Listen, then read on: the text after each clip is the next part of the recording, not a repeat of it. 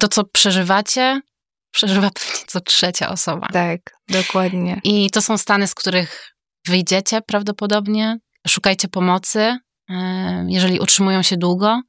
E, nie wstydźcie się tego i rozmawiajcie ze swoimi najbliższymi.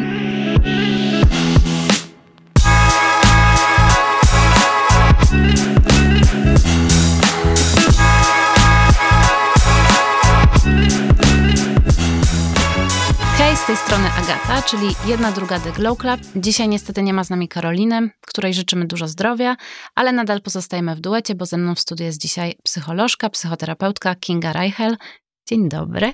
Cześć Agata, bardzo mi miło. Notabene Kinga prowadzi również swój podcast, także wpadajcie do niej na Spotify. Przygotowując się do tego odcinka, zapytałyśmy się Was, jakie pytania chciałybyście, chcielibyście zadać psychologowi i posypało ich się mnóstwo, dlatego wiemy teraz, że te treści są bardzo potrzebne.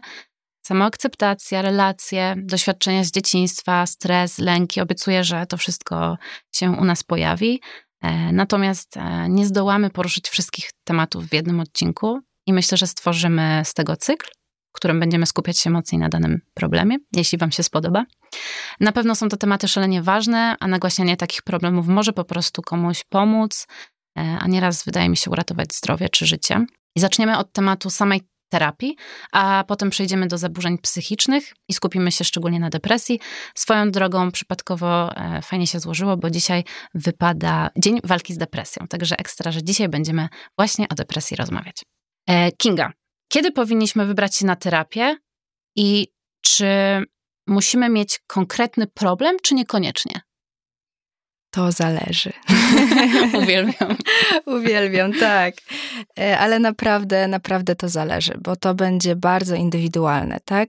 W zależności od tego, e, z czym się borykamy, czy mamy taki moment w życiu, kryzysowy albo taki trudniejszy, jeśli chodzi o adaptację do jakichś warunków nowych, tak? Idziemy na studia na przykład, albo e, wchodzimy w dorosłość, e, mamy pierwszą pracę, tu mówię już o, takiej wczesnej dorosłości, no to to są takie momenty, kiedy możemy nie wiedzieć za bardzo, co się z nami dzieje, a coś się dzieje i czujemy taką niepewność, e, takie coś się dzieje, ale w zasadzie wszystko jest w porządku, tak? Więc to też może być dobry moment na psychoterapię. Nie nie zawsze tak jest, że pacjenci przychodzą i od razu mają sprecyzowany problem.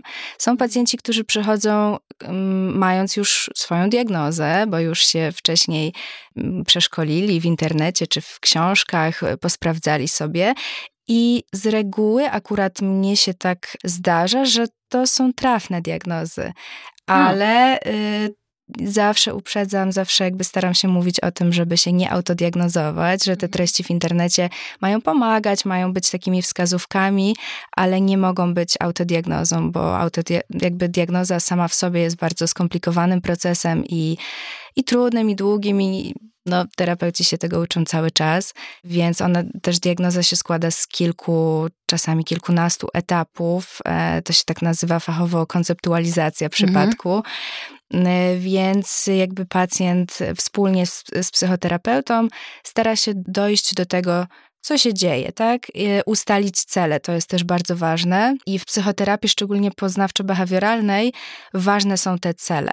I może być tak, że pacjent nie wie, tak, że on przychodzi, coś się dzieje, nie czuje się pewnie, ale nie do końca e, jest w stanie powiedzieć, nad czym chce pracować, więc staramy się powolutku, małymi krokami dojść do, do tego, od czego moglibyśmy zacząć, albo mhm. co jest dla ciebie teraz najważniejszym celem na tu i teraz, nie? Więc to, to może być różnie. A nie masz takiego wrażenia, bo tak było w moim przypadku, że trochę takie problemy właśnie często zaczynają się w okresie, e, kiedy idziemy na studia. I ja mam takie przemyślenia już z perspektywy czasu, bo, bo wtedy nie wiedziałam, że trochę to wynikało podświadomie, przynajmniej u mnie, z takiej świadomości, że trochę wyfruwam z gniazda i już nie mam tej protekcji rodziców e, i muszę sobie zacząć radzić i jakieś tam takie podświadome lęki się pojawiły. I wtedy pamiętam, że pierwszy raz trafiłam do psychologa. Tak, i ja również. I ja no. też mam takie doświadczenia, bo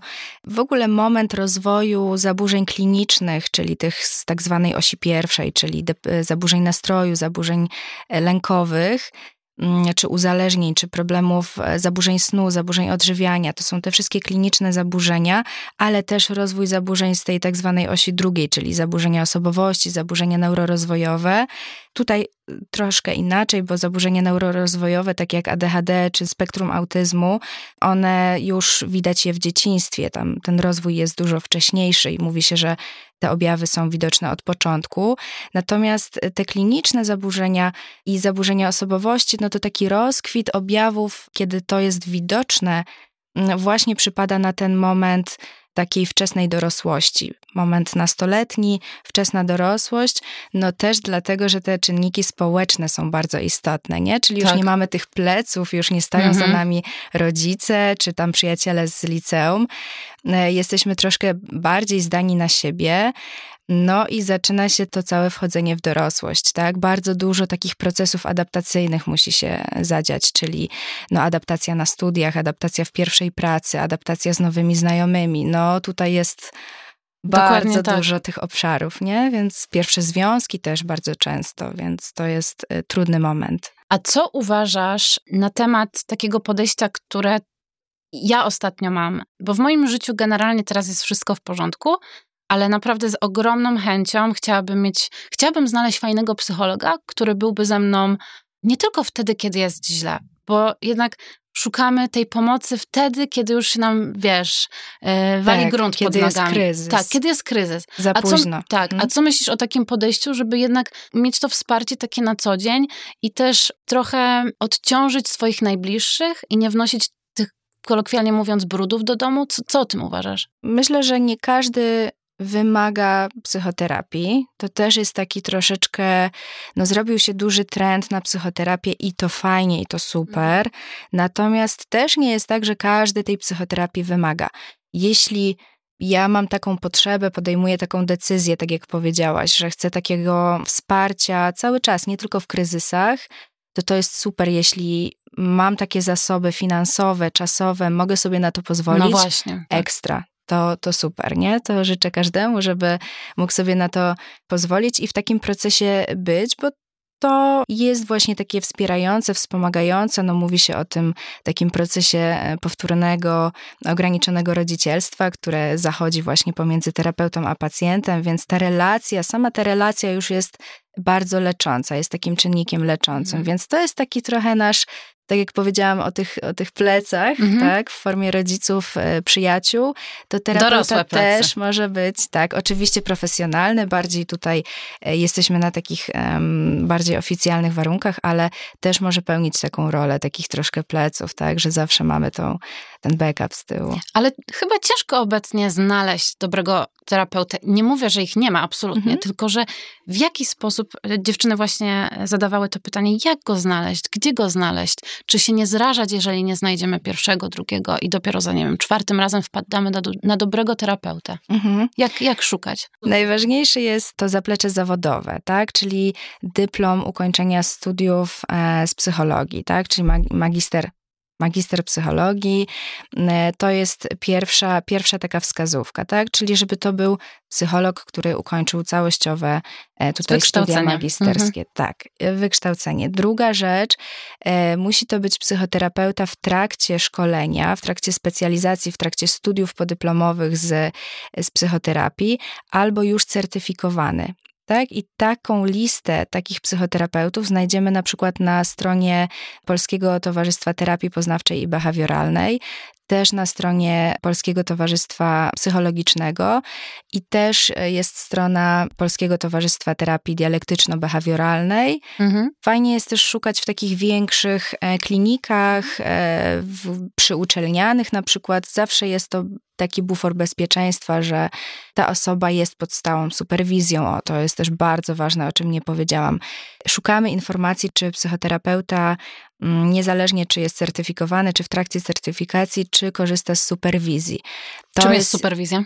To jest taka mm, współpraca z takim mentorem. Mhm. To jest taki psychoterapeuta, e, który pomaga w tym procesie, tak? Psychoterapeuta przychodzi do superwizora, sprawdza konceptualizację, ma pytania do superwizji, tak? Razem wspólnie zastanawiamy się, co, czego tutaj jeszcze brakuje, o co można byłoby pacjenta zapytać, czy diagnoza idzie w dobrym kierunku, co można byłoby zastosować, jakie techniki, więc to jest taka dodatkowa mhm. głowa do pracy. Tak, dokładnie ja to miałam na terapii, że, że mój e, terapeuta, pamiętam na jednym spotkaniu powiedział, że on to skonsultuje ze swoim superwizorem i, e, i, i, wróci do mnie. I powiem ci, że bardzo mi się to podoba. Takie tak. podejście, że no wiesz, co dwie głowy to nie jedna. Tak. No to teraz tak. Znalazłam terapeutę. Jak wygląda pierwsza wizyta? I dziewczyny się pytały, czy w jakiś sposób należy do pierwszej wizyty się przygotować? Czy po prostu idziemy tak, wiesz, jolo? Możemy iść jolo, okay. nie musimy się przygotowywać, e, bo psychoterapeuta, dobry psychoterapeuta powinien e, poprowadzić tak tą konsultację. Oczywiście każdy psychoterapeuta ma troszeczkę inny styl pracy. Mhm. Jedni od razu robią wywiad taki około medyczny, e, też jakby zadają dużo pytań, inni bardziej e, chcą zbudować taką atmosferę bezpieczeństwa, mhm. relacje, dać pacjentowi mówić, tak, na tyle na ile, tyle ile on chce powiedzieć, e, tyle ile potrzebuje, na tyle na ile potrafi na tej jednej konsultacji pierwszej, więc czasami terapeuta terapeuta no, stara się wyczuć pacjenta i jakoś poprowadzić tą rozmowę tak, żeby też pacjent nie czuł się jakiś zakłopotany, że czegoś nie wie albo nie chce o czymś mówić akurat. Też nie musimy mówić wszystkiego na pierwszych konsultacjach. To nie jest tak, bo to jest też częsta obawa, że taka obca osoba, a ja muszę wszystko powiedzieć. Nie trzeba wszystkiego mówić. Z czasem się też otwierasz tak, po prostu przy, przy czasem, drugiej osobie. Z czasem e, zdobywamy zaufanie też do tej osoby, też patrzymy na to, czy gra nam to flow, bo mhm. też może być tak, że terapeuta będzie dobry, dobrym specjalistą, ale nie będzie nam grało tutaj Energią. takie flow, mhm. energia. To jest, to jest zawsze, to jest relacja międzyludzka. To są bardzo tutaj te ważne czynniki takie ludzkie, więc może być tak, że, że to nam nie zagra. Okej, okay, a co jeżeli ktoś chce być mniej jolo i pewniej się czuje przygotowany? Co mhm. może zrobić w domu? Może sprawdzić e, sobie wyniki ostatnich badań. E, czy były dobre, czy niedobre, kiedy były ostatnio zrobione i jakie były zrobione te Morfolo- badania. Mówisz o morfologii? Tak, morfologia, hormony? czy jakieś hormony, mhm. tak, czynnik e, stanu zapalnego, mhm. właśnie tarczyca, panel wątrobowy, no to wszystko, co tam mamy, możemy sobie to odświeżyć, tak, kiedy były badania zrobione.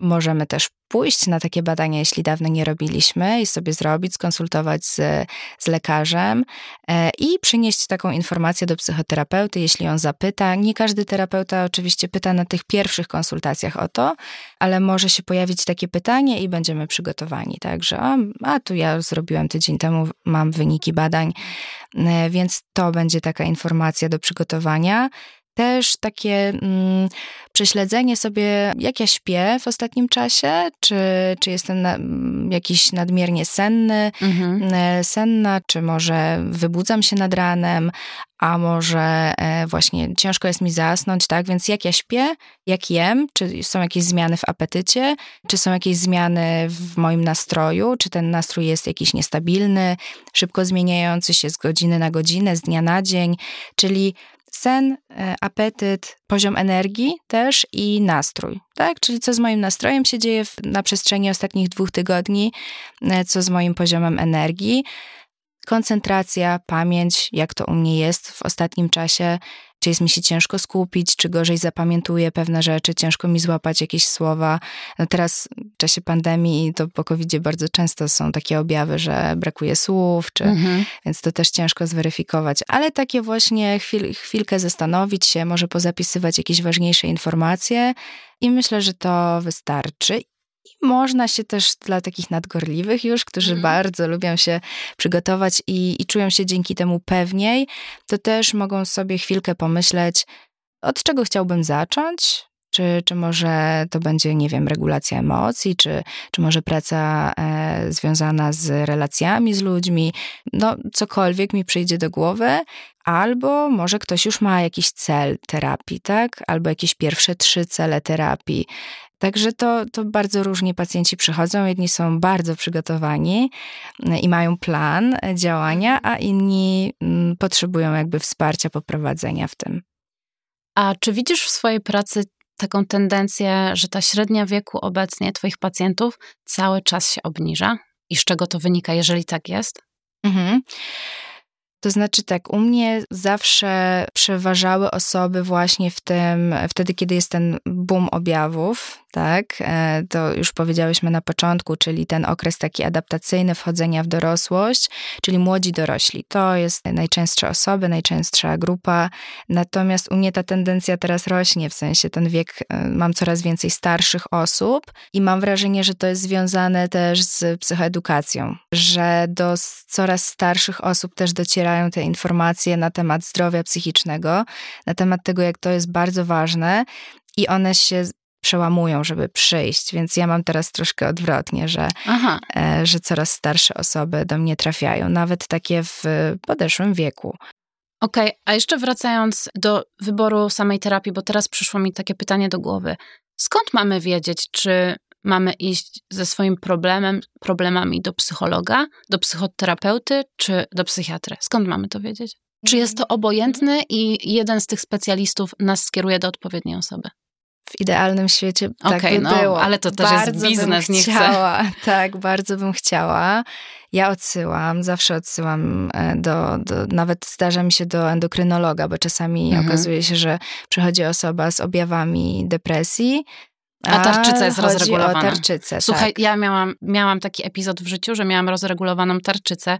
To, co się działo z moim stanem psychicznym, to była po prostu jakaś gehenna. Także jeżeli ktoś się zastanawia, czy wszystko jest z nim ok i ostatnio nie czuje się tak. dobrze, to warto naprawdę się zbadać, po tak, pierwsze. Tak, czyli badania, e, no te w ogóle wskaźniki, sen, dieta, suplementacja, czy tu jest wszystko ok, aktywność fizyczna, ekspozycja na światło jak to u mnie z tym jest, nie? Czy ja coś muszę tutaj poprawić? Jeśli mhm. to nie działa, jeśli poprawił mi się sen, ja staram się, nie wiem, no, spać więcej e, albo więcej się ruszać, a mimo to ten stan się nie poprawia, to, to wtedy oczywiście zawsze jest dobry moment, żeby się skonsultować, natomiast te badania są kluczowe, to, to jest bardzo ważne. Wtedy też nie diagnozujemy depresji, tylko pierwszorzędne będzie właśnie badanie, leczenie tarczycy, więc odsyłamy taką osobę do endokrynologa, no czasem jest tak, że e, zaburzenia współistnieją ze sobą, no to tu już mamy bardziej skomplikowaną sytuację.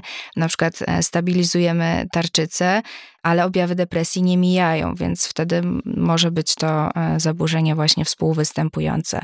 Okej, okay, a jak już jesteśmy w tym idealnym świecie i jesteśmy u psychologa, który odsyła nas na przykład do psychiatry, to co jeśli psychiatra na dzień dobry przepisuje nam terapię po prostu lekami, mhm. farmakologię. O, to jest. I zamyka, I zamyka temat, bo, jest... bo mam wrażenie, że no niestety mhm. bardzo często to się dzieje, bo, bo ja, ja tam byłam i nie mogłam tak. się z tym pogodzić, bo byłam super młodą osobą i miałam też takie wrażenie, że to jest problem, który ja jestem w stanie przepracować. To jest czas w moim życiu po prostu trudniejszy i nie jest ze mną nic nie tak, po prostu jest mi gorzej i nikt nie mógł mi wokół pomóc. I poszłam do psychiatry, bo po prostu to trwało i trwało. Inaczej się po prostu czułam fizycznie też. I psychiatra przypisał mi od razu leki. Ja się nie mogłam z tym pogodzić mhm. i tych leków po prostu nie wzięłam i faktycznie y, potem wróciłam y, do innego lekarza, do właśnie do terapeuty i totalnie przepracowałam problemy. Podkreślę to, żeby nie było. Ja jestem zwolenniczką leków. E, mamy leki nowej generacji, leki są bardzo, w ogóle farmakologia jest bardzo potrzebna i jakby ja generalnie jestem zwolenniczką leków. Natomiast jestem też zwolenniczką tego, żeby osoby trafiały najpierw do psychoterapeuty. Mhm. Psycholog zajmuje się troszeczkę czymś innym. On nie prowadzi procesu psychoterapeutycznego, psycholog kliniczny, czy psycholog wyspecjalizowany w diagnozie klinicznej, on może postawić wstępną diagnozę, natomiast on nie poprowadzi już procesu psychoterapeutycznego. On nas będzie musiał odesłać gdzie indziej, chyba że nie wymagamy psychoterapii, tylko jakiejś e, umiejętności e, interpersonalnych, czy, czy brakuje nam jakiejś wiedzy i ćwiczymy z nim e, jakby różne, mm, różne tutaj techniki, dowiadujemy mhm. się poprzez psychoedukację, więc psycholog tak bardziej Mm, jest dla osób nie wymagających psychoterapii, potrzebujących wsparcia, tak? Czyli nie dzieje się nic takiego wymagającego leczenia. Natomiast e, psychoterapeuta, no to już tutaj cała konceptualizacja, diagnoza i ustalenie planu e, leczenia, wsparcia, tak? Bo czy to będzie psychoterapia, czy współpraca jeszcze z innym specjalistą, więc ja zawsze mówię psychoterapeuta, mhm. on postawi diagnozę wstępną i ewentualnie odeśle nas do psychiatry czy do innego specjalisty. Więc jeśli trafimy do psychiatry, jest bardzo prawdopodobne, że od razu dostaniemy leki, no bo psychiatra dysponuje mm, taką wiedzą, on się zajmuje farmakologią, więc jakby ciężko tutaj uzyskać, chyba że jest też psychoterapeutą, tak się zdarza. Jest teraz e, coraz więcej psychiatrów odsyła do psychoterapeutów, to jest super. Do mnie też trafiają coraz więcej osób trafia i mówi: A tu z polecenia psychiatry, psychiatra e, zalecił psychoterapię i to jest fajne ale nie zawsze tak się dzieje. Więc, więc jakby dla mnie to ustalenie farmakoterapii fajnie, gdyby było najpierw po diagnozie psychoterapeuty, tak? Czyli po, po tym pierwszym takim ustaleniu. To jest też zawsze nasza decyzja, czy, czy chcemy leki przyjąć, czy nie, czy, mhm. czy się zgadzamy na, na farmakoterapię, czy nie. Także no, to też będzie kwestia indywidualna, bo jeżeli mamy epizod ciężkiej depresji czy umiarkowanej, to ta farmakoterapia może być niezbędna. Także, no ale tak jak mówię, idealny świat, no to specjaliści współpracują ze sobą, odsyłają no tak. się i to się już powolutku dzieje. Zamykając wątek terapii, e, chciałabym, abyś e, opowiedziała nam, w jaki sposób na co dzień możemy zadbać o swoje zdrowie psychiczne, tak żeby po prostu ktoś po wysłuchaniu tego odcinka mógł wdrożyć takie jakieś małe porady twoje w życie, mhm. żeby po prostu żyło się łatwiej, lepiej i żebyśmy mogli o siebie zadbać. Okej. Okay. E, medytacja. Trening uważności. Robię Uważna to. obserwacja emocji. Bardzo potężne narzędzie. I nie mówię tutaj o medytacji takiej siedzeniu na poduszce z kadzidłami, bo to -hmm. też czasem się tak kojarzy, ale po prostu robienie sobie stopów w ciągu dnia, e, czyli takich nawet kilkusekundowych momentów na skupienie się na oddechu, na z, y, sprawdzenie, co w moim ciele, co w emocjach, co w mojej głowie się dzieje, na zatrzymywanie się, takie delikatne stopy w ciągu dnia, czyli na przykład, jeżeli mam przerwę w pracy, mam 5 minut, piję sobie zieloną herbatę, mhm to nie z telefonem, nie przeglądając maile, odpisując, tylko naprawdę od, odkładam wszystko i piję tą herbatę. I tylko piję herbatę. I robisz sobie reset. Tak, robię reset, e, sprawdzam, co tam z moim oddechem i skupiam się. Techniki oddychania też potężne narzędzie, jeśli chodzi o układ nerwowy i tutaj włączanie e, układu e, przywspółczulnego, współczulnego, coraz bardziej doceniane narzędzie, coraz więcej się znowu mówi o technikach oddychania. Mm, sen. I tutaj między 7 a 9, minimum 7 godzin śpimy, maksymalnie 9 godzin. To już każdy też indywidualnie musi wyczuć, czy 7, czy 8, czy 9, ale potężne narzędzie do regeneracji całego mózgu. No to podstawa. Dieta tak samo, tutaj jakby oczywiście indywidualna. Bardzo dużo się mówi o diecie śródziemnomorskiej. Kwasy omega. Tak, kwasy omega-3.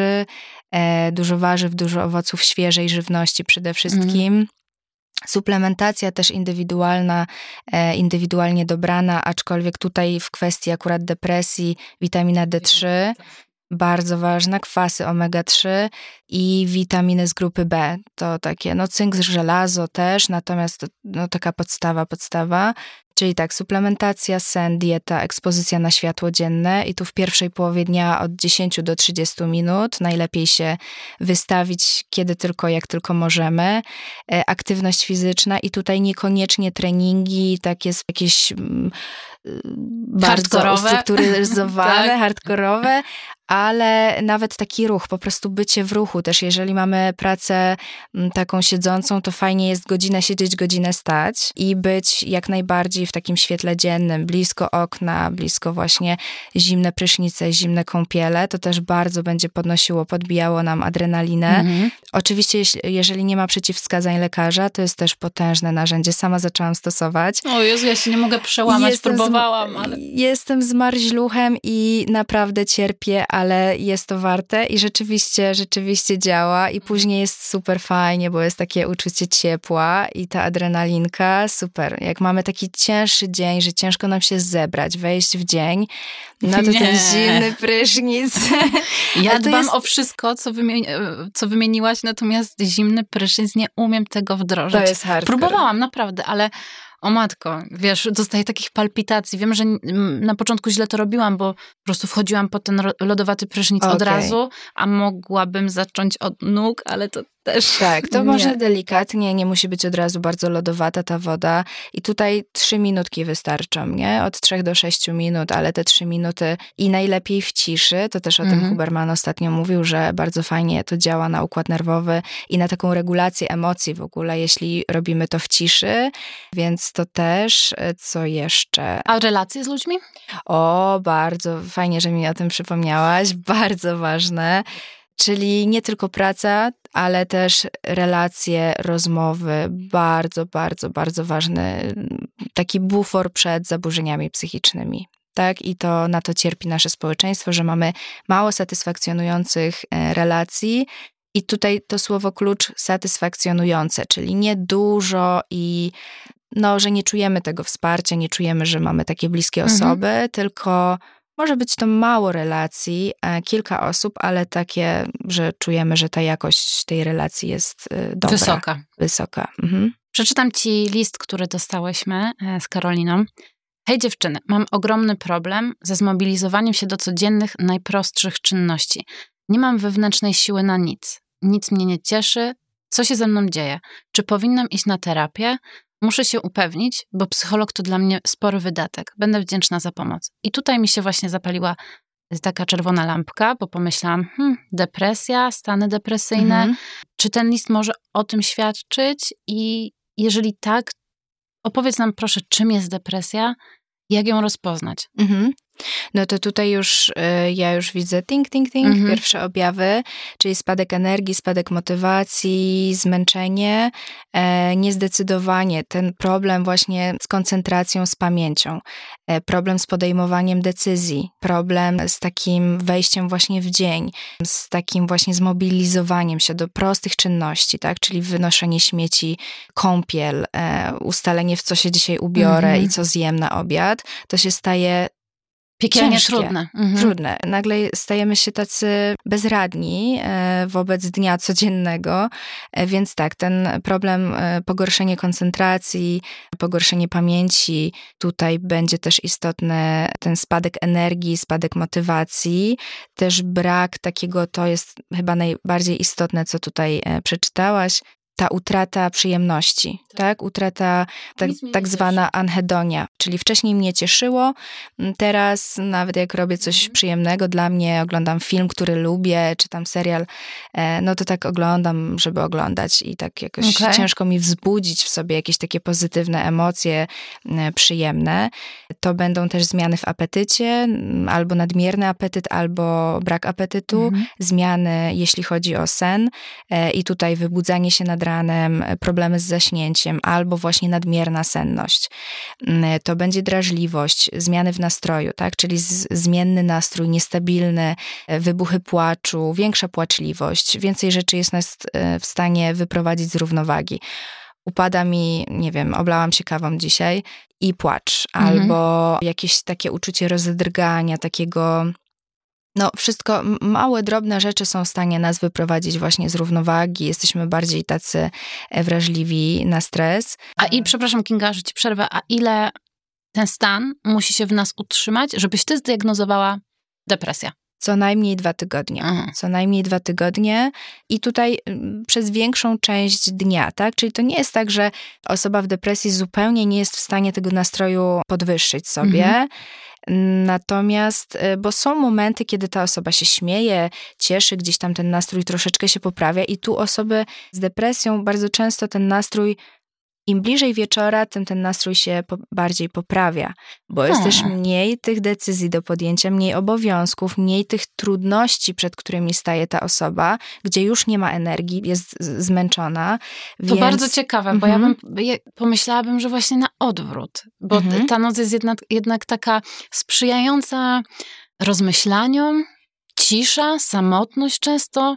Tak. Rozumiesz, o co mi chodzi? Tak, tak, też tak może być.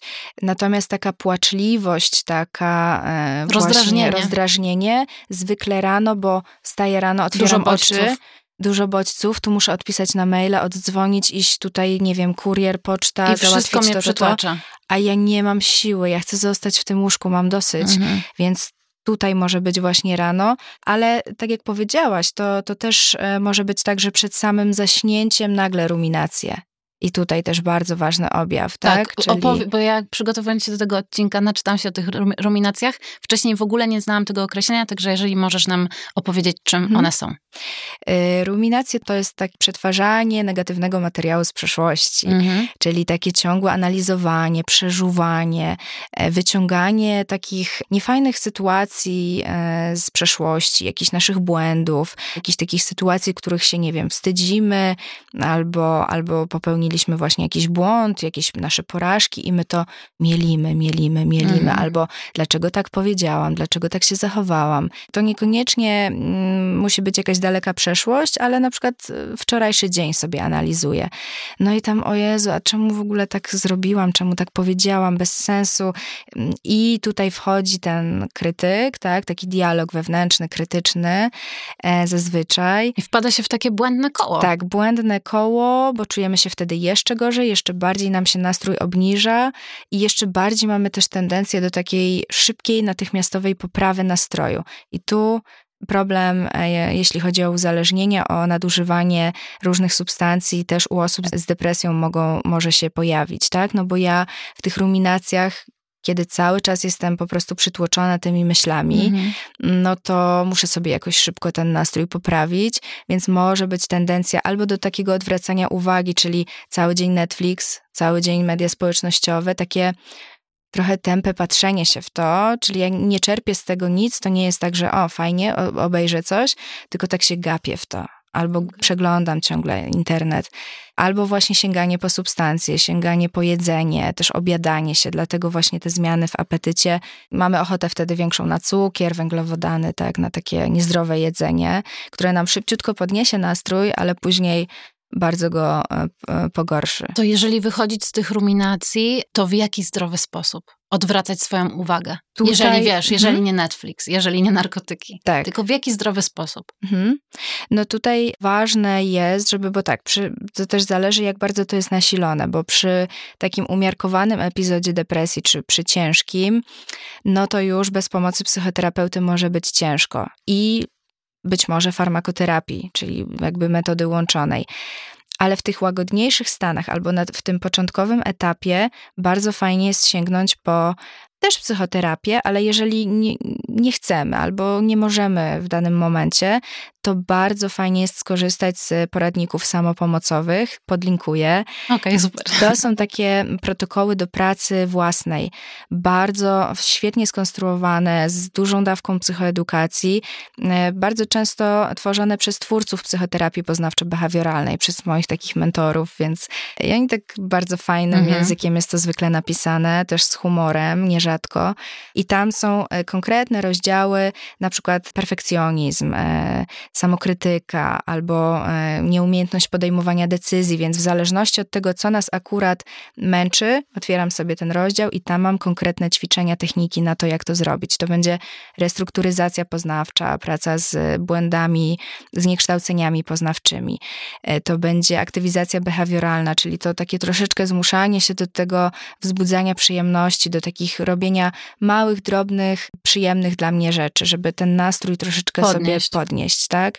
Żeby było to tak zwane pozytywne wzmocnienie.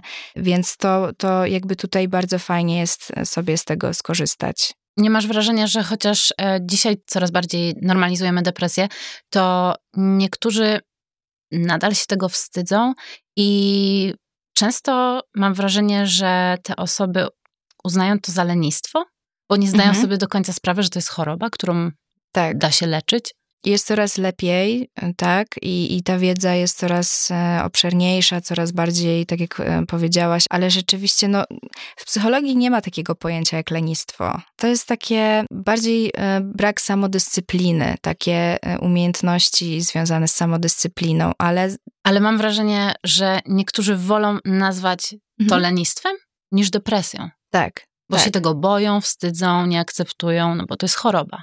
Mhm. A niektórzy nie uznają tego jako choroby w ogóle. Tak, to, to prawda i rzeczywiście czasami jest tak, że trzeba przekonywać pacjentów i na początku ta praca polega właśnie na psychoedukacji, na takim przekonywaniu ich trochę i fajnie, że o tym lenistwie powiedziałaś, bo też to może wynikać z takiego e, objawu depresji jak samoobwinianie, mhm. czyli tutaj poczucie winy, poczucie braku sensu. Jeszcze na chwilkę e, chciałabym wrócić do tych objawów depresji, bo czuję, że jakby nie powiedziałam o wszystkich, Jasne. ale to będzie właśnie też poczucie winy, poczucie braku sensu, ta tak zwana triada depresyjna, czyli takie negatywne myślenie o sobie, o świecie, innych ludziach i o swojej przyszłości, czyli wszystko jest bez sensu, jakby nic mi się nie uda, nic mi się wcześniej nie udawało. Teraz też, czyli takie zniekształcenie poznawcze, czarnowidzenie i tutaj takie myśli rezygnacyjne, niekoniecznie myśli samobójcze, ale rezygnacyjne, czyli to nie ma sensu, wszystko jest bez sensu, jakby. To, I tu nam się wydaje, że to jest takie, a no każdy tam sobie czasem powie tak, często, ale tu jest ta różnica, że to stale u takiej osoby się pojawia i rzeczywiście ma odbicie w jej funkcjonowaniu, czyli ona rzeczywiście jest wolniejsza. I tutaj też ważny objaw spowolnienie psychoruchowe, ale też może być pobudzenie, mhm. czy ta agitacja taka, to też um, Tutaj jakby ciężko też mówić o, są też maski depresji, tak? E, I tu pracoholizm też może być maską depresji, uzależnienia i tu mhm. bardzo często, jeśli chodzi o depresję mężczyzn, tak? Czyli nie widać tych objawów m, mm, takich, które są klasyczne w depresji, tylko bardziej widać na przykład uzależnienie albo widać pracoholizm, że ten e, mężczyzna się odcina, e, więc to też będzie... M, mm, nadużywanie leków też nasennych na przykład, nie? Więc to też takie, no obrazów depresji jest naprawdę sporo, typów depresji, rodzajów też leczenia przez to, ale mam nadzieję, że poruszyłyśmy te, te podstawowe. Bardzo mnie ciekawi, czy mm, ma się genetyczne predyspozycje do depresji? Czy jest to coś, co możemy odziedziczyć po naszych rodzicach, przekazać swoim dzieciom? Mhm, tak, bardzo e, silny czynnik genetyczny, e, jeśli chodzi o ryzyko powstawania e, depresji. Nie mówię tylko o depresji, ale ogólnie o zaburzeniach ogólnie, psychicznych. Tak, tak. Czynnik genetyczny jest bardzo, bardzo tutaj silny, aczkolwiek środowisko to, jak, z czym te geny się zetkną na zewnątrz, to będzie bardzo ważne, tak? Czyli sama predyspozycja genetyczna jeszcze nam o niczym nie mówi. Mówi, mówi nam o tym, że okej, okay, ta osoba może mieć zwiększone ryzyko powstawania zaburzeń psychicznych, ale to jeszcze o niczym nie świadczy. To nie świadczy o tym, że taka osoba będzie miała jakieś zaburzenia psychiczne. Natomiast ten czynnik genetyczny, złączony jakby z, z mm, takim nieodpowiednim środowiskiem, czy z jakimiś traumami, trudnościami, no to tutaj już to ryzyko sobie, ryzyko sobie rośnie, czy z jakimś nieodpowiednim stylem wychowawczym. Mhm. E, no i tak sobie rośnie, rośnie, rośnie. Też tutaj czynnik genetyczny z, ze stresem bardzo silne połączenie, ale tutaj też ten czynnik środowiskowy, wychowawczy może to łagodzić, bo jeżeli dostaniemy takie umiejętności dobrej regulacji emocji, to możemy dużo jakby mocno złagodzić to, tak? Czyli obniżyć znowu ten, ten czynnik ryzyka. Wyczytałam też, że kobiety dwukrotnie częściej chorują na depresję. Nie wiem, czy to prawda, możesz potwierdzić lub zaprzeczyć. E, z, czego to wynika? Bo co, chłopaki nie płaczą? Mam wrażenie, że depresja, wiesz, nie zna podziału na płeć. Mhm. To jest e, prawda, dlatego że kobiety są bardziej narażone na czynnik e, związany z zaburzeniami gospodarki hormonalnej. Porody też e, są bardzo takim momentem, tutaj depresja poporodowa mm, jest, jest takim momentem no, tej burzy hormonalnej, więc, więc my kobiety no, jesteśmy, mamy więcej takich e, predyspozycji, predyspozycji mhm. E, ale też dlatego, że jesteśmy bardziej predysponowane do ruminacji my częściej przeżuwamy, analizujemy, no, tak. więc, y, więc tutaj ten czynnik ryzyka jest bardzo, bardzo e, istotny. Natomiast pewnie też dlatego, że mężczyźni są niedodiagnozowani, e, rzadziej trafiają do gabinetów, więc też te statystyki są pewnie dużo obniżone. Ludzie cierpiący na depresję chyba często to ukrywają. Wydaje mi się, że boją się często oceny, reakcji otoczenia. A ja obserwowałam sporo takich coming outów, e, gdzie ludzie przyznawali się do tego, że mają depresję lub inne zaburzenia psychiczne, a kompletnie nie było tego po nich widać. Mhm. Po prostu zakładają maskę. Tak, tak, tak. I może tak być rzeczywiście, że te osoby uśmiechają się, chodzą do pracy, funkcjonują, e, mają różne, pełnią różne role społeczne, mhm. tylko to jest wszystko na takim po prostu ścisku, tam w środku buzuje e, i, i, ten organizm później gdzieś tam to wyładowuje. Nie wiemy w jaki sposób. Być może właśnie nad, w, poprzez nadużywanie substancji, czy poprzez jakieś inne mm, destrukcyjne takie sposoby radzenia sobie. Jest to bardzo duży wydatek energetyczny na pewno tych osób. Żeby funkcjonować... Mm, to też jest trochę ich taki sposób na przetrwanie tego, jak myślisz? Myślę, że tak, że, że, że często jest tak, że osoby nie chcą nie chcą przed sobą czuć się chore, tak? Nie mhm. chcą przyznać się do tego. Nie, to ja teraz zacisnę pięści i... A to chyba jest najważniejsze i pierwszy krok w ogóle, żeby zacząć się leczyć i żeby się skutecznie wyleczyć, mhm. żeby się przyznać e, sami przed sobą, że na, na depresję po prostu cierpimy. Tak, i tutaj im bardziej mamy rozbudowaną taką strukturę osobowości, którą w terapii schematów się nazywamy zdrowym dorosłym, takim mhm. dorosłym, który opiekuje się, troszczy i jest taki, słuchaj, to może jednak zwolnij, albo weź, mhm. weź wolne, idź do lekarza, skonsultuj się. Im, Im bardziej mamy tą strukturę rozbudowaną, tym łatwiej jest nam zarządzić tym, żeby dobra, to ja się zatroszczę teraz o siebie, muszę odpuścić, muszę wziąć wolne, nic się nie stanie, świat się nie zawali. Więc e, no tutaj wchodzą też inne cechy osobowości, bo jeżeli ktoś jest taki bardzo ambitny, nastawiony na, na,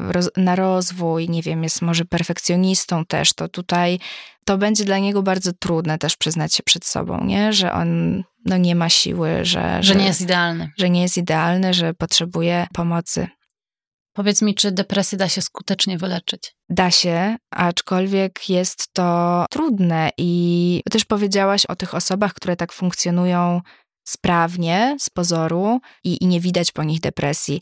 Częściej to się e, przejawia u osób, które mają chroniczną depresję. Mhm. Bo tutaj też nie powiedziałyśmy o, o, o, bardzo ważnej rzeczy. Chroniczna depresja to jest depresja e, zwykle źle leczona albo nieleczona, albo chroniczna depresja wynika e, z zaburzeń współistniejących, czyli ja mam jakieś zaburzenie osobowości albo zaburzenie neurorozwojowe, takie jak spektrum autyzmu czy ADHD. A depresja jest tylko objawem tego? A depresja jest objawem, bo mi jest już z tym zaburzeniem ciężko. Mhm. Tu mam trudności z tym, tu mam z tym. No w spektrum autyzmu mogę mieć problemy w relacjach z ludźmi, w ADHD mogę mieć problemy mhm. z koncentracją, tak, z jakimś takim, e, z organizacją, z planowaniem. Czyli powinniśmy więc, leczyć problem u źródła samego, prawda? Tak, więc tu nam się nakładają zaburzenia i, i, i teraz e, przewlekła depresja u takich osób jest częstsza, tak, bo tutaj u podstawy jest coś innego, więc ta diagnoza jest bardzo istotna, żeby zobaczyć, czy tam pod spodem się nie kryje coś, albo jakaś choroba somatyczna, która, która mhm. nam cały czas te objawy jakby wyrzuca na wierzch. I czasami jest tak, że widać depresję, a nie widać tego, co jest pod spodem. Jedną z najskuteczniejszych to mm, metod leczenia depresji jest psychoterapia poznawczo-behawioralna i tutaj w zaleceniach NICE, takich międzynarodowych, możemy zobaczyć, że e, na pierwszym miejscu jest psychoterapia poznawczo-behawioralna, a dopiero później farmakoterapia lub metoda łączona.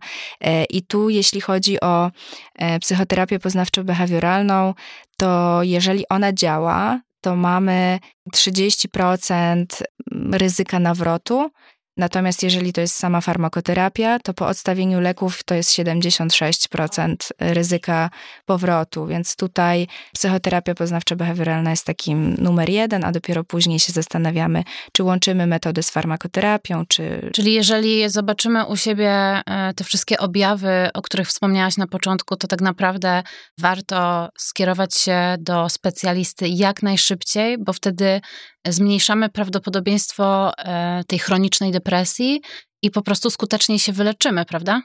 Tak, i ryzyko nawrotu jest mniejsze. Unikamy właśnie tej chronicznej depresji, ale też tak naprawdę unikamy bardzo często śmierci, bo pamiętajmy, że depresja wiąże się też z myślami samobójczymi. I to nie jest wcale takie mm, rzadkie zjawisko. E, tylko te myśli samobójcze czy myśli rezygnacyjne, no jeżeli mamy nieleczoną depresję, no to to może się nasilać.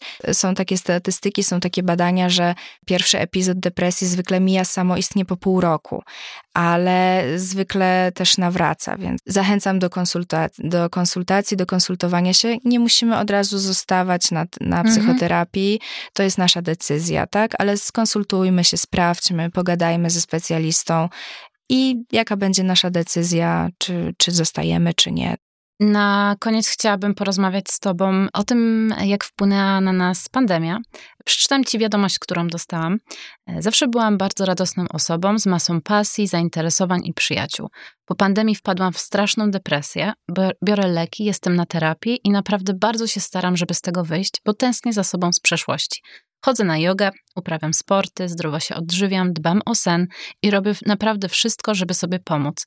Ale mój lęk społeczny i zalewający mnie smutek tak mnie przytłaczają, że nic mi nie pomaga. Wiem, że to choroba, ale wiem też, że trzeba nad sobą pracować czym mogę się zmotywować. I dzisiaj też na profilu Ani Lewandowskiej przeczytałam, że jedna na sześć osób odczuła psychiczne skutki pandemii i średnio o jedną czwartą zwiększyły się zaburzenia depresyjne w Polsce. Z czego to wynika? Jak mhm. ta pandemia na nas wpłynęła? To jest bardzo ciekawe według mnie teraz.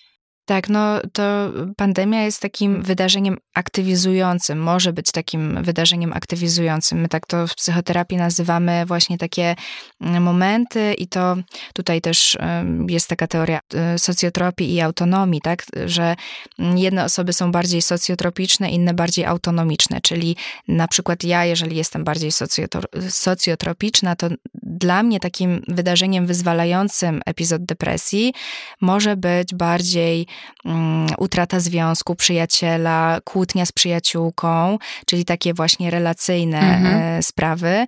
Natomiast jeżeli jestem bardziej osobą autonomiczną, to te wyzwalające wydarzenia będą bardziej związane z utratą pracy, ze zmianą pracy, z takimi, nie wiem, e, nie odniosłam sukcesu w jakiejś dziedzinie, więc to będzie bardziej z tym życiem zawodowym związane. I tutaj pandemia, nie wiem jaka sytuacja tutaj taka zawodowa się zmieniła, czy się zmieniła tej osoby, ale to może być taki czynnik wyzwalający i tutaj właśnie te osoby, które być może ta osoba miała już jakieś predyspozycje do, do depresji, tak? Czyli ten czynnik genetyczny, być może wcześniej e, miała jakiś okres zwiększonego stresu, być może tutaj ma jakieś cechy osobowości, nasilony perfekcjonizm, czy ma tendencję do ruminacji i być może ta pandemia była takim czynnikiem, który po prostu wyzwolił jeszcze, nie? Więc e, no, generalnie tak, ja, ja, ja sama widzę, że pandemia, no wzrost pacjentów po pandemii jest ogromny. Są kolejki e, do praktycznie, już nie mam gdzie odsyłać, naprawdę mi aż się serce kraje, że no nie mam już naprawdę, już wszystkie koleżanki, kolegów e, wszyscy tam, są full. wszyscy są full, nie ma terminów i naprawdę jest ciężka sytuacja. E, też tam wcześniej wspominałaś o jakiejś e, dziewczynie, która napisała, e, że nie ma takich środków też finansowych. Mhm. Tutaj bym próbowała na NFZ. Tam też są dobrzy psychoterapeuci. Właśnie chciałam o tym wspomnieć, tak. że ale moja koleżanka opowiedziała mi o tym, że poszła, dostała skierowanie i chodzi od roku na terapię i ma super cudowną lekarkę, która jej, która jej pomaga. Tak, tak, można, można na NFZ, jest troszkę trudniej, no bo wiadomo terminy, ale, ale też no troszkę nie mamy tak mi się wydaje, że nie mamy pełnego jakiegoś tam zaufania do NFZ-u no i właśnie. wydaje nam się, że tam są kiepscy specjaliści, ale nie zawsze tak jest. To jakby ten rynek jest bardzo już wysycony w Polsce, tak mi się wydaje, że już tych terapeutów jest naprawdę i tych miejsc jest dużo, no ale w pandemii to, to się po prostu zrobiło ba bardzo dużo osób. No i tutaj ten czynnik związany z utratą jakichś więzi społecznych, tak, w trakcie pandemii, właśnie z utratą pracy, ze zmianą sytuacji finansowej, no tutaj masa takich e, czynników wyzwalających może być. Ale takie stany depresyjne to jedna rzecz, ale ja ci mogę opowiedzieć co ja przeżywałam. Mówię o chyba pierwszym albo drugim rzucie pandemii, po prostu kiedy byliśmy zmuszeni zostać w domach i moje życie jakieś towarzyskie w ogóle nie istniało. Także byłam zamknięta sama ze sobą w domu. I kiedy sytuacja zaczęła się poprawiać, mogliśmy wychodzić, nie, nie miałam ochoty. I nie ze względu na jakieś stany depresyjne, doły i tak dalej. Tylko ja po prostu, dobrze mi było w tym ciepłym domku. Mm-hmm. Nie, jakieś takie lęki społeczne u mnie się pojawiły. Tak, mm, tu się czułam niekomfortowo, musiałam gdzieś iść i miałam takie, chcę wracać jak najszybciej do tego domku. I rozmawiałam o tym ze swoimi znajomymi i przysięgam ci, każdy mi mówił to samo. Mam tak samo. Tak, tak. I ja też tak miałam. Troszkę głupio to mówić, bo, bo jakby patrząc na to, jak to był ciężki czas dla wielu ludzi, ale dla mnie to był cudowny czas, bo ja mogłam zwolnić, skupić się na pracy, na sobie, na różnych, e, no mhm. jakby. Ale też pamiętaj, ale, ale, wydaje mi się, że byłaś e, w komfortowej sytuacji, bo masz pracę zdalną i teraz też ją kontynuujesz właśnie tak. zdalnie. I jednak pewnie przez całą pandemię miałaś styczność ze swoimi pacjentami i robiłaś to w swoim zaciszu domowym. No, super. Nie? Tak, dokładnie tak, ale muszę powiedzieć, że, bo tak powiedziałam, że dla większości większości osób to było, był ciężki czas. U mnie akurat, jeśli chodzi o moją jakby grupę pacjentów, niemal każdy mówił, że czuje się dużo lepiej. I tu też osoby z depresją, tak, bo one w końcu nie muszą stać w tych korkach, e, mobilizować się do wyjścia z domu, nie muszą podejmować tych codziennych, e, miliona tych codziennych decyzji, mm, więc to był też czas taki, ok, mogę zostać w tym łóżku, mogę jakby mm, mhm. zwolnić. Przede wszystkim też pandemia nam pokazała, jak my pędzimy, tak? Jak my żyjemy szybko, po co? Jakby dlaczego? Że ile rzeczy nie musielibyśmy robić tak naprawdę w ciągu dnia, a też się czujemy ok. Ale u osób z taką tendencją też do, do zaburzeń lękowych, mm, myślę, że właśnie to odwrócenie tak? Czyli wtedy, kiedy już mogliśmy wychodzić, no to było właśnie takie mm, i dla mnie też to było takie właśnie mam niekomfortowe. Wrażenie, tak, ale mam wrażenie, że my po prostu jako ludzie bardzo szybko się adaptujemy do, do nowych sytuacji i bardzo szybko się zaadaptowaliśmy do siedzenia w domu. Mhm. Tak, jesteśmy w sumie też ewolucyjnie mhm. skonstruowani. Nasz mózg cudowny też tak, tak funkcjonuje, żebyśmy się e, jak najlepiej adaptowali, aczkolwiek w naszych czasach mamy tak dużo tych e, sytuacji, w których się musimy adaptować, ich jest często za dużo, więc my mamy zdolności ogromne do adaptacji jako ludzie, ale też no, nie przeceniałabym tego, nie? Że, okay. że to nie może być tego za dużo. Też na sekundkę jeszcze tylko wrócę do mhm. tego wątku zaburzeń lękowych, bo też o tym wcześniej wspomniałaś i też w, pojawiło się to w kontekście bycia u lekarza psychiatry. Tu akurat jeśli chodzi o zalecenia NICE, to też tak bym chciała podkreślić, że jedną ze skuteczniejszych form leczenia będzie psychoterapia poznawczo-behawioralna. Farmakoterapia nie. Może przeszkadzać w leczeniu, wręcz mhm. nasilać pewne stany lękowe, dlatego że leki są takim e, zachowaniem zabezpieczającym, tak jak na przykład noszenie butelki wody u osób z atakami paniki, czyli takie talizmany bezpieczeństwa, okay jak go nie mam, to jest ciężko, bardzo ciężko, więc my uczymy się w terapii powolutku odstawiać te talizmany, mhm. czyli możesz się czuć dobrze bez tej butelki wody, bez tego telefonu przy sobie, bez leku, dasz sobie radę, tak? Że, że to nie jest nic złego. Tak się zaśmiałam, bo nie mamy czasu. Mam nadzieję, że się jeszcze spotkamy, bo te tematy są naprawdę niewyczerpywalne. Takie mam wrażenie. Zaśmiałam się, bo w tym, co mówisz, widzę siebie i swoje mhm. zachowania i, i, chciałabym o tym opowiedzieć, bo myślę, że masę ludzi z tym się utożsami i masę ludzi po prostu boi się o tym mówić, wstydzi się tego. I chciałabym powiedzieć, że to, co przeżywacie, przeżywa pewnie co trzecia osoba. Tak, dokładnie. I to są stany, z których wyjdziecie prawdopodobnie. Szukajcie pomocy, e, jeżeli utrzymują się długo. E, nie wstydźcie się tego i rozmawiajcie ze swoimi najbliższymi i nie bójcie się prosić o pomoc, bo to Dokładnie. jest bardzo ważne. Mam nadzieję, że się jeszcze z Kingą spotkamy. Dziękuję Ci bardzo za rozmowę. Jeżeli Wam się spodobał dzisiejszy odcinek, koniecznie dajcie nam znać, bo to będzie dla nas taki znak, że, że też potrzebujecie właśnie takich odcinków. Dziękujemy. Dziękuję bardzo. Do usłyszenia w kolejnym odcinku.